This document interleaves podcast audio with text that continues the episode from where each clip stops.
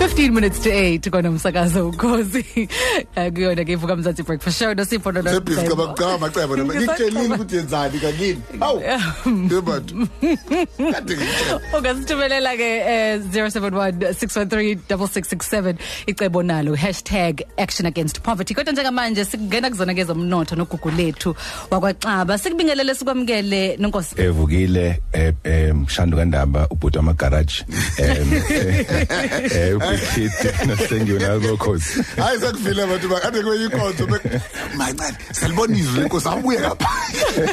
Iphila tsitsa magaraji njalo qala bekhipha ngezimbuzi ipletsizwe ngezimbuzi kuya ngokuthi ukhuluma ngani ngaleso sikhathi. Ah ake sibongele ingane yangakithi eh, mkhaya. Eh sayibona ku top 5 uma Hayi, Ndebele kakhulu kakhulu noxolo wenze kahle kakhulu. Actually eziningi izinto esingayilindela kuye kuyaphambili siyambongela kakhulu noxolo besikhona impela siyohalalisa. Eh noma ngaphumanga u Miss SA kodwa cha ushayile kakhulu. Oh yini? Kubuhla lepha bengikhona. Bizofika manje kwase kuya wena ke awu na usuya wangasho sonjikazi okay. Eh nonkosi njengoba sisikhuluma la sikhuluma ngendaba yensizwe yamagaraji wona amacebo uyawusiphe wona la eh ukuthi eh kube khona indlela yokuthi nathi ku- umnotho sibona amathuba khona sikwazi ukuthi siwasebenzise. Sikhulume kakhulu ke ngalokho nge- ngesonto edlule ngesikhathi sikhuluma ngamathuba khona eningizimu Afrika mawuqhathanisa eh namanye amazwe aseAfrika nanokuthi iningizimu Afrika ngempela ngempela imi kahle ekuthenini iwasebenzise lawo mathuba khona. Kunjalo nongcebo zintathu nje kuphela izinto engifisa ukuthi sibheke namhlanje njengoba sivala lenyanga ekuthiwa iAfrica month nanokuthi futhi asizukuyeka ukukhuluma ngeAfrica kuyaphambili ngesizathu sokuthi icentury le yeAfrica eh kufanele sigxilise kakhulu emqondweni yabantu bakithi kakhulukazi abampisholo maqondana nokuqonda kabanzi ukuthi iyini iAfrica nomcebe umumethe besibuke lokho ke ngeviki edlule njengoba usubalulile namhlanje bengithi asibheke nje izinto ezintathu imibuzo embalwa kakhulukazi oqala uthi umbuzo yini iAfrica eyidingayo ukuze ikhule? iAfrica idinga thina sonke njengabahlali nabantu eh naba umtsinzi wokuzimilela eAfrica yonke jikelele.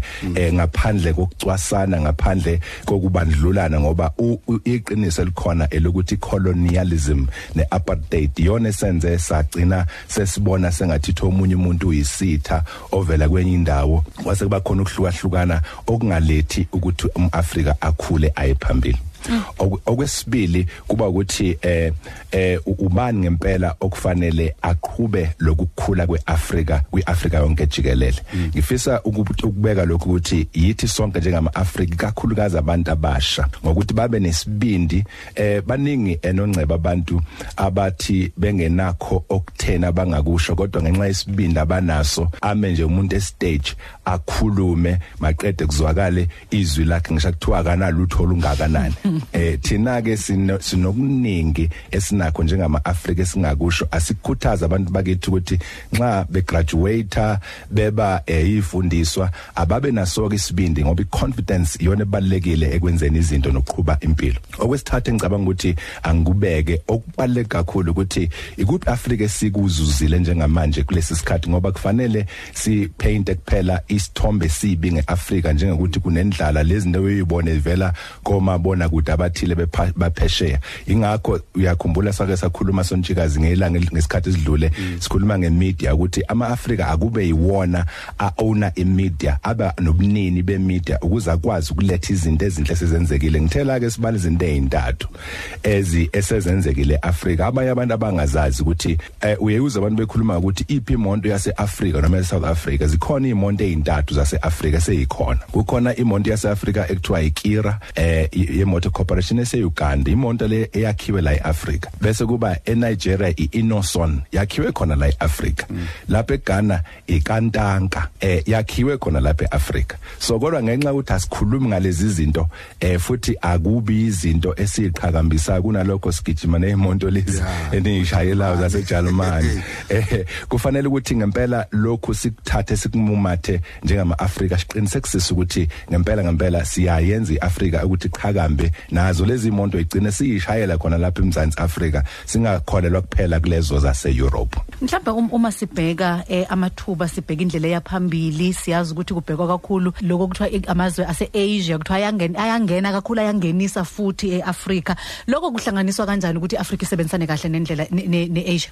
Indlela yaphambili noncebo njoba usho okuzobaleka lapha ukuthi iAfrika sihlale siyibeke phezulu eqhulwini. Kungabe nje ukudansela emculo yakhona kuphela okuhle nakho ngoba khamisana neculture seAfrika. Kodwa sizomela ukuthi sibukisise umnotho nasekuzibandakanyeni njoba sazi ukuthi lezi nyanga ezilandelayo ezizayo kuzobe kukhulunywa kakhulu ngeBRICS. Ngicabanga ukuthi sizobe sihost iBRICS lapha eningizimu Afrika uma ngaphonzisi. So eh kunobudlelwane soke sithi ukubheka maqondana iAfrika neAsia. Nanelento yeBRICS ngoba abanye abantu abayiqondi kahle ukuthi isho ukuthini. Ihambisana naloko esiye sikubize ngeunipolar eh nokubulala leunipolarism okuwukuthi kwencika kakhulu eh kumazwe afana ne neUnited States. Kufanele ukuthi siye diversify economy yethu so besiyibuka ke izinto ezifana nalezo. Eh bese kuba ukugcizelela kulokhu kubhuka bhudo wamagaraji ukuthi njoba sachaza eh, eh noncebo ukuthi sifuna ukuthi sakhe inkampani ezicishe zibe u2000 nakho lokhu njoba sigcizelela lamagaraji sifuna ukuthi sibe sesiwakhile umthamo wabantu abazobe sesibakhomba ukuthi naba aba owner amagaraji ngenxa yaluhlelo amandla omnotho. Ngomhla ka9 kuJune City of Umhlathuze Auditorium eh kunye neMusa Dladla Progressive Business Forum. Asibonga lapho umuzi mfoka ngema ube ingxenye kakhulu ukuthi asisize ukuthi kuhlangane nabosomabhizinisi balapho ukuze siyoxoxa nabo. Bese ukuthi ngomhla ka30 kuJune iPetro Connect eGlen Ridge Church eh, eThekwini so besikhona futhi nakhona. 9 July 9 June eh, half past 9 to half past 12 bese ukuthi ngomhla ka30 usibonelo mbatha abafuna ke uku- ukwazi kabanzi baye ku www.petroconnect.co.za kumbe bangasi WhatsApp kwinombolo 08222 52217 08222 kukuletha uxaba.co.za sibonga kakhulu kuyena ke eh ushobade Amagaraji. ezomnotho ke nivuka mzansi breakfast show. Kuze kube ngokuzayo ke sibonga kakhulu nonkosi. Ngiyabonga kakhulu Nkosi. isikhathi se-afrika Africa, Tabanga, oh, oh. fm luhamba phambili